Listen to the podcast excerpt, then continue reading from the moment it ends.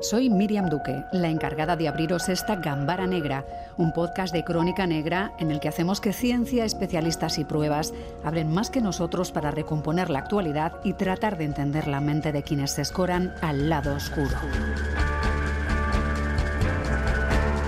La historia de Miguel Ángel Martínez Santamaría es un misterio. Unos meses antes de cumplir 45 decidió hacer un largo viaje por Europa, era abril de 2005. Cinco meses después su familia recibía una llamada en la que les contaban que el cuerpo de Miguel Ángel había aparecido a orillas de un fiordo, se había ahogado y este en Parsoro fue el punto menos extraño de lo que vivirían después. Así hablan en un podcast sueco sobre uno de los casos sin resolver en su país, el del hombre sin corazón.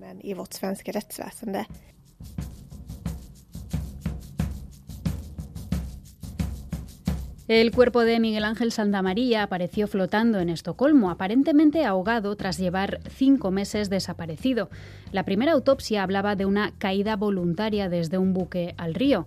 El cuerpo fue trasladado a Londres, donde el propio Miguel Ángel pidió ser enterrado, y la segunda autopsia realizada allí reveló contradicciones y varias ausencias en el cadáver, la del corazón y parte del hígado.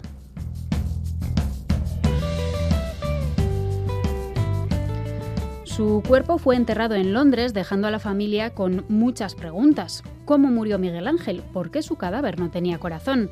En 2018 el Ministerio de Justicia inglés autorizó la exhumación para una tercera autopsia, pero al final no se pudo hacer.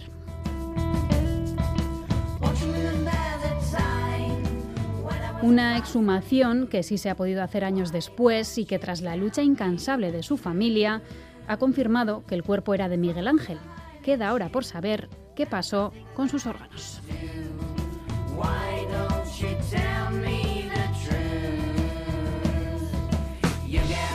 Blanca Martínez Santamaría es su hermana. Blanca, bienvenida. ¿Qué tal? ¿Cómo estás? Bien, estoy bien. Bueno, ¿recuerdas eh, qué día ves a tu hermano Miguel Ángel por última vez? Sí, justo el día anterior a marcharse de viaje, pues le vi y y nos dijo que se iba a marchar, o sea, tenía todo preparado. En marzo sacó el, la licencia de conducir internacional y tenía todo preparado para este viaje. Esto es abril de 2005 aproximadamente, ¿no? Sí, sí, a finales de abril. Y él tenía previsto, bueno, pues supongo que celebrar los 45 años en ruta o hacerlo como regalándose un viaje por Europa sin prisa, tenía dinero para hacerlo, un poco era una aventura, ¿cuál era el objetivo que él tenía? pues es que a él le encantaba viajar por Europa. O sea, no era ni la primera vez que había ido a Suecia, se había recorrido Europa, mm, hacía viajes normalmente, o sea, que no era ni la primera y él creía que tampoco iba a ser la última. Hmm. Claro, pasa un tiempo y se cortan las comunicaciones con él. Sí. Eh, ¿Cómo os enteráis de que su cuerpo ha aparecido en un fiordo? ¿Quién os llama? Bueno, a nosotros nos llamó la Policía Nacional de Gordoniz, de Bilbao y concretamente eh, nos llamó como a las 8 de la noche y cuando a mí me llamó me dijo pues que había aparecido un cadáver en avanzado estado de descomposición, eh, que la llevaba mucho tiempo en el agua y que tenía la fotocopia de identidad de mi hermano, una fotocopia, y que le había dicho esto a mi madre y que se había puesto nerviosa. Le digo, ¿pero le has dicho esto a mi madre? Y me dice, sí. Le dije, pues te cuelgo y voy donde mi madre. Mi madre estaba sola en casa cuando recibió esa llamada. Estamos hablando de septiembre de 2005. Habían pasado aproximadamente cinco meses en los que no habías tenido noticias de tu hermano. No, eso también era algo habitual. O sea, él no nos llamaba, pero más o menos los viajes duraban máximo tres meses. Según la autopsia, la autopsia sueca al menos, mm. porque iremos mencionando que luego una segunda autopsia procede de, Londres, Miguel Ángel se habría arrojado desde uno de los buques que efectúan el trayecto entre Helsinki y Estocolmo y que se habría ahogado. No sé si en algún momento se hablan de testigos. Sí parece que una chica aparece en, al menos en los informes policiales, ¿no? Bueno, esas son hipótesis que, que dice sin sentido la forense sueca, porque realmente eh, cuando hablé con un policía de Estocolmo me dijo que era obligatorio presentar el DNI para subirse a esos barcos. Em, no había testigos, no había cámaras, no, simplemente era que habrían mirado en, si estaba dentro de los pasajeros y habrían visto si era mi hermano o no, pero ni tan siquiera hizo eso. La policía no hizo absolutamente nada. ¿Pudisteis ver si el nombre de tu hermano aparecía en los registros de su vida alguno de esos buques? ¿Aparecía en esos días? No aparecía. No, no, no, no, que no, que eso fue pues una cosa que lo sacó la no sé si fue la policía la que le informó a la forense, pero vamos, que no había ninguna prueba de que eso hubiera ocurrido. Blanca, pasado el tiempo, el cuerpo de tu hermano acaba llegando a Londres desde Estocolmo. ¿Por qué él quiere ser enterrado allí? ¿Por qué hace ese viaje el cuerpo de tu hermano mm. desde Suecia hasta el Reino Unido? Bueno, pues mi hermano había vivido durante años en Londres. Y es más, trabajó en un hospital en Londres, también estuvo trabajando más de dos años. Y entonces, cuando ya volvió a casa, eh, pues una chica que había vivido con él pues le dijo que estaba enferma, que tenía un cáncer y entonces él fue a cuidarle y se murió. Como en, ese momento mi hermano no podía acceder a los ingresos de ella ni nada, porque no era familia, entonces les pidió a mis padres el dinero para el funeral. Entonces, eh, cuando vino a casa, pues dijo que había sido un funeral estupendo, maravilloso y que, y que las tumbas en Londres eran de dos. Entonces le dijo a mi Aita, Aita, como ha costado tanto dinero, eh, no te preocupes que yo cuando me muera voy a dejar por escrito que me entierren allí porque me parece excesivo lo que habías gastado. O sea, que si algún día me pasa algo, que me entierren ahí junto a esta amiga en Londres para... más bien era por, por, porque se sentía un poquito mal con mis aitas. Sí, pero bueno, que también si se quiere mirar así, pues también. Y claro, al llegar su cuerpo a Londres es cuando acaba por hacerse una segunda autopsia. No sé si porque faltan papeles y el forense no se fía de, la, de, la, información o porque llega sin información y los resultados no son exactamente iguales y además ahí es cuando se ve que al cuerpo, en principio, de tu hermano o presuntamente de tu hermano, le falta el corazón y, bueno, y parte del hígado, ¿no? Y algunos otros, bueno, pues no está completo ese cuerpo, al menos le falta el corazón. ¿no? Sí, le falta el corazón, parte del hígado, el páncreas, bueno, y otros órganos.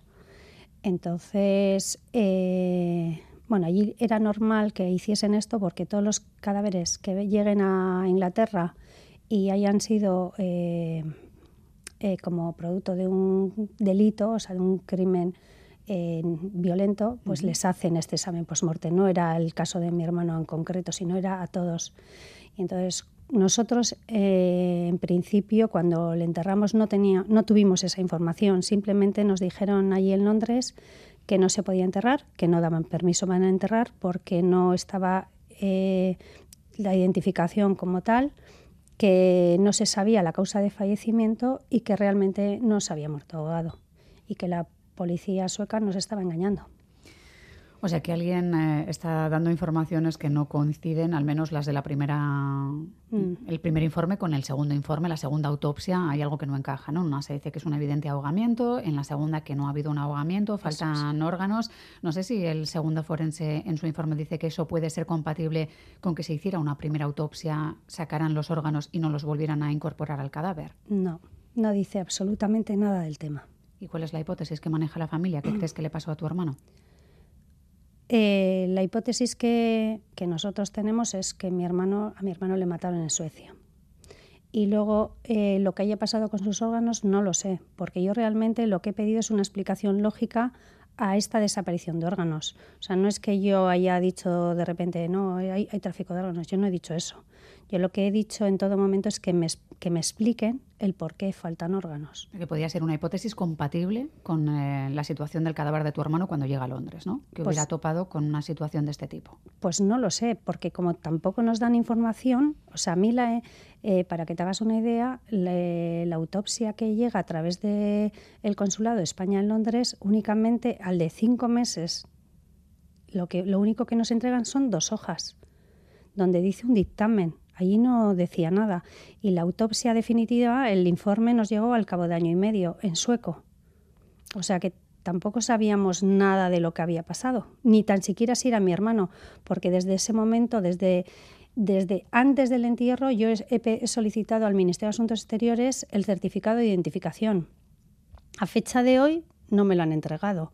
Es más, en 2014, cuando tienen que entregar la policía de Suecia eh, toda la documentación a la Fiscalía de la Audiencia Nacional de España es cuando ellos mismos dicen que no existe un certificado de identificación. Es más, que todo lo que hay allí de la policía sueca es como datos mm, contradictorios, porque lo que decían era que había sido identificado con la huella izquierda, cuando mm, la policía española no tenía la huella izquierda de mi hermano.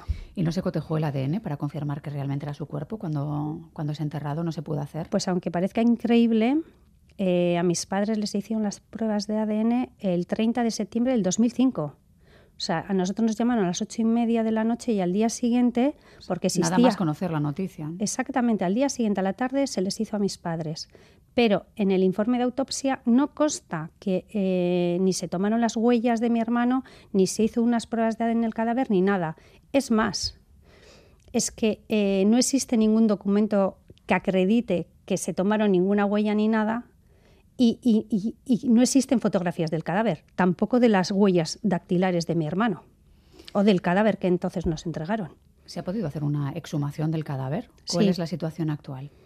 Bueno, la situación actual es que el cadáver ha sido exhumado, que no ha sido cosa de las instituciones. Yo durante 16 años he solicitado que las instituciones eh, sean las que lleven a cabo esta exhumación. ¿Por qué? Porque ellos, ellos eran los que habían no hecho bien las cosas ni habían seguido el protocolo que ellos mismos habían establecido. Por lo tanto, eran las instituciones las que tenían que subsanar ese error. Lo que no es normal es que 16 años después la familia tengamos que hacernos cargos de alguna manera de la sumación y lo que no puede ser que ahora ya me manden felicitándome. No, felicitándome a mí no me valen las felicitaciones. Lo que teníais que haber hecho eso es haberlo hecho vosotros. Yo pedí apoyo, ayuda a mi ayuntamiento de Guecho, pedí, ayuda al gobierno vasco, pedí ayuda en el Parlamento vasco. Tres veces he estado en el Parlamento vasco. Han votado en contra de hacer esa sumación. Yo en enero del 2006 llamé al gobierno vasco y les dije lo que me estaba pasando. Me mandaron a la archaña de Erandio en la Archaña de Erandio llevé toda la documentación que yo tenía hasta entonces. En marzo del 2006, cuando yo recibí el examen post-mortem, lo llevé a la comisaría de Erandio. Me dijeron que me llamaban. Hasta hoy. Nadie ha hecho absolutamente nada. no se ha investigado ni en Suecia, ni aquí se ha abierto una investigación, ni en ningún sitio. Blanca, con la información que tenéis ahora, después de esa exhumación, con los pocos mimbres que hay, porque ha pasado muchísimo tiempo, eh, ¿tenéis esperanza de que se pueda seguir la pista a lo que pasó allí en Suecia, que por fin alguien investigue?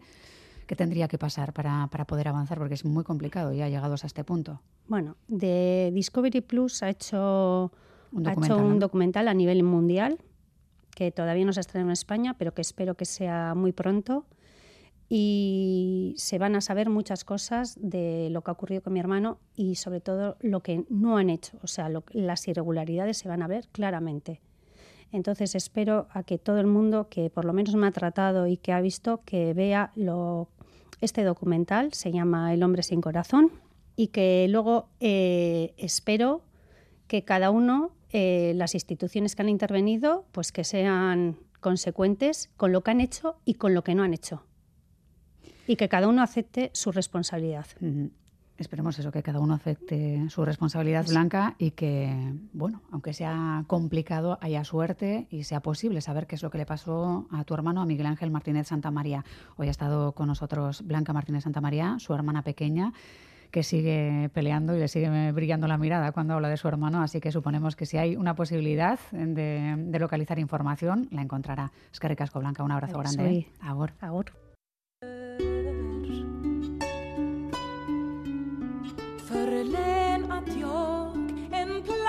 Agur.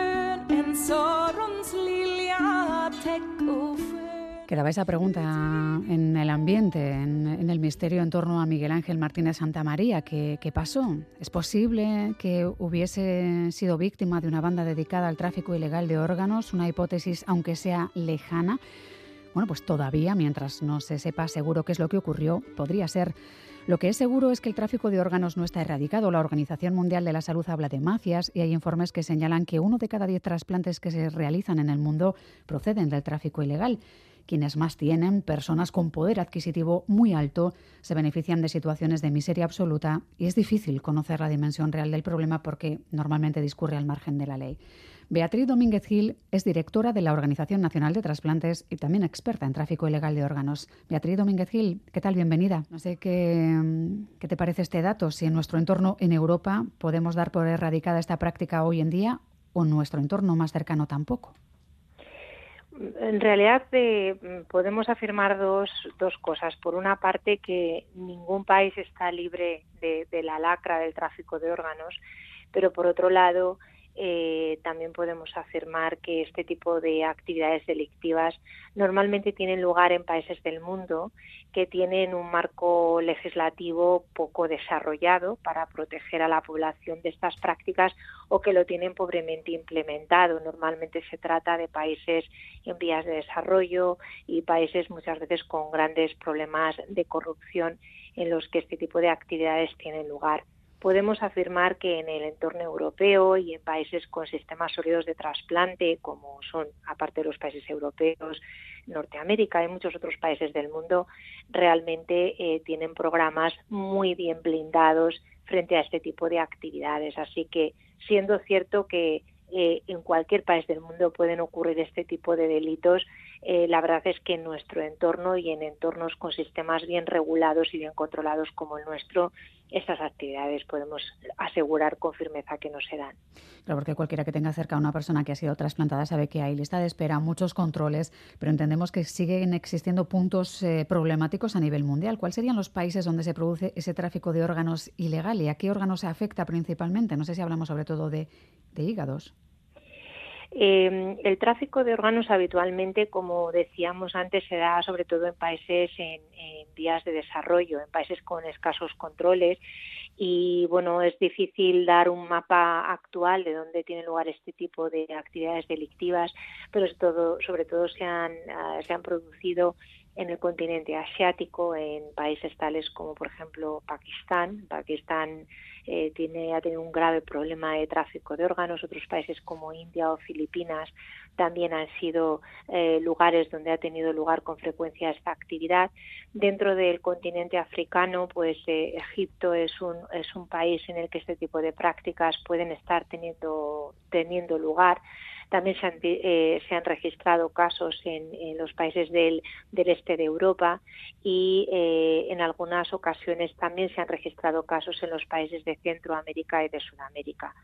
Em, eh, es decir, habitualmente se trata de países, insisto, en vías de desarrollo y a veces con, con programas poco estructurados y poco controlados. Mm. El órgano más habitual suele ser el, el riñón, ese, ese, es el órgano más frecuente y aunque habitualmente eh, es cierto que en alguna ocasión eh, se produce el fenómeno de tráfico de órganos eh, con órganos de, personas fallecidas, lo habitual es que el tráfico de órganos tenga lugar con, con órganos de, personas vivas, que personas que pertenecen a los sectores más vulnerables de la población y que se transforman en, fuente de órganos forzada por su necesidad para personas con poder adquisitivo que normalmente viajan a estos países para realizar el trasplante en determinados centros pues que no pasan este tipo de controles o que no están sometidos al tipo de control y escrutinio al que están sometidos en países como el nuestro. Claro, a veces lo habitual es un paciente de un país mm. rico que viaja a uno de estos países y normalmente es una persona de sectores vulnerables dentro de esta población la que se transforma en, eh, en, en fuente de órganos para trasplante fruto de una, de una explotación de esa situación de vulnerabilidad. A veces eh, los escándalos nos pillan un poco más cerca. En 2012, el entonces jugador del Barça, Enrique Vidal, sufría una recaída de su tumor, del tumor que padecía. Recibía un trasplante de hígado por parte de un familiar, pero el caso acabó en el centro de una gran polémica por sospechas en torno a ese donante, porque tal vez no era un familiar, como se dijo en un primer momento, sino un pariente lejano al que se habría animado a donar. Y eso supondría que tal vez eh, no se hizo de forma altruista, sino por dinero. No sé si eso está en investigación y ese tipo de cosas. Eh, también la Organización Nacional de Trasplante está muy atenta a, que puedan surgir. Sí, el sistema está tan atento que precisamente este caso está otra vez en, investigación por parte de las autoridades eh, judiciales eh, precisamente porque, porque estamos atentos. En España, para que una persona done un órgano en vida, tiene que pasar tres tres, un sistema de tres filtros. Es uno de los sistemas más garantistas del mundo. Esa persona no basta con que esa persona quiera donar un órgano a un ser querido, tiene que ser evaluado por un médico mm, independiente de quién va a hacer la extracción y el trasplante, quien tiene que evaluar que desde un punto de vista médico esa persona está en condiciones de someterse a una cirugía y por lo tanto de donar un órgano, pero también tiene que evaluar al donante desde un punto de vista psicosocial. Entre, entre otras cosas, tiene que evaluar eh, cuál es la motivación para la donación y si esa donación realmente es libre y no, eh, y no eh, obedece a algún tipo de coacción económica o de otro tipo. Pero además el proceso es evaluado por un comité de ética que tiene del centro de un centro de referencia que evalúa el caso y que resuelve en positivo o negativo el caso particular y además el donante ha de comparecer frente a un juez eh, quien vuelve a verificar que esa donación se produce de manera libre, de manera informada y de manera desinteresada. Si en, cualquier en cualquiera de estos tres filtros existe la más mínima sospecha de que esa donación no cumple esos requisitos de donación voluntaria, libre y no sometida o no o no sujeta a ningún tipo de coacción, el proceso se detiene. Entonces, insisto, es uno de los sistemas más garantistas del mundo. Claro, que estaríamos hablando de un control a posteriori y, en el que ah, tal vez pudiera llegar a estar implicado pues, un equipo como el Barça, ¿no? que es una de las cuestiones que se estaría analizando. Claro, ahí estaríamos en, Ah, ah bueno, a ver, sí, en el caso particular del que estamos hablando, el caso llega a nuestro conocimiento eh, por unas escuchas telefónicas efectuadas en el contexto de una investigación al entonces presidente del, del club eh, del club deportivo Barça eh, por otro tipo de actividades. Entonces, cuando estas conversaciones saltan a la luz, el caso estaba ya archivado por parte de la jueza eh, responsable del caso, eh, pero precisamente porque a nosotros nos parecía en la Organización Nacional de Trasplantes que las diligencias que se habían efectuado eran insuficientes para clarificar lo ocurrido, se volvió a abrir el caso y el caso todavía está en investigación. Eh, se hizo una auditoría, una inspección del centro y en el centro se había efectuado todo, conforme a la legislación vigente, pero eh, se está tratando de dilucidar si ha habido algún tipo de irregularidad eh, en ese procedimiento. No puedo decir más porque el proceso está todavía eh, siendo investigado pero eh, bueno, la postura de la ONT es muy firme en este sentido. Tenemos tolerancia cero frente a este tipo de actividades delictivas y en cuanto existe algún tipo de sospecha eh, de irregularidad, lo que afortunadamente ocurre muy, muy, muy excepcionalmente, como es en este caso, eh, nuestra postura es que esto ha de investigarse hasta el final y desde luego si se ha cometido algún tipo de irregularidad o alguna actividad que tenga carácter delictivo o eh, pues evidentemente eh, hay, que, hay que sancionar o penalizar a los implicados tal y como establece nuestra legislación, que es muy dura y que incluso impone penas de hasta 12 años de prisión en casos de delitos de tráfico de órganos.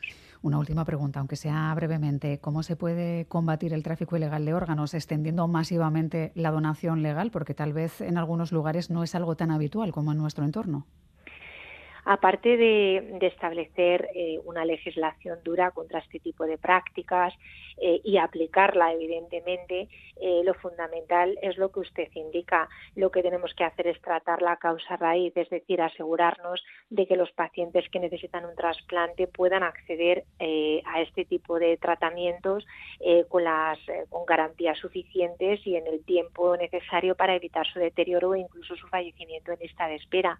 En este sentido, España España tiene un modelo eh, organizativo y un modelo de gestión del programa de donación y trasplante que es una referencia a nivel internacional y que hace que nuestro país ocupe una posición de privilegio a nivel mundial en el acceso de los pacientes a la terapia de trasplante.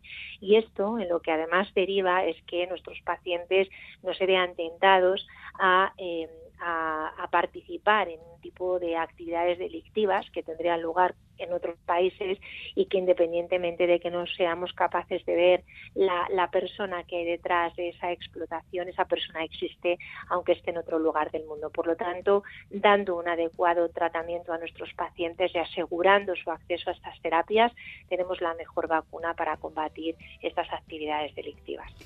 Beatriz Domínguez Gil, directora de la Organización Nacional del Trasplante y también experta en tráfico ilegal de órganos. Es que ricasco, muchísimas gracias y hasta la próxima. Un abrazo. Muchísimas gracias a ustedes.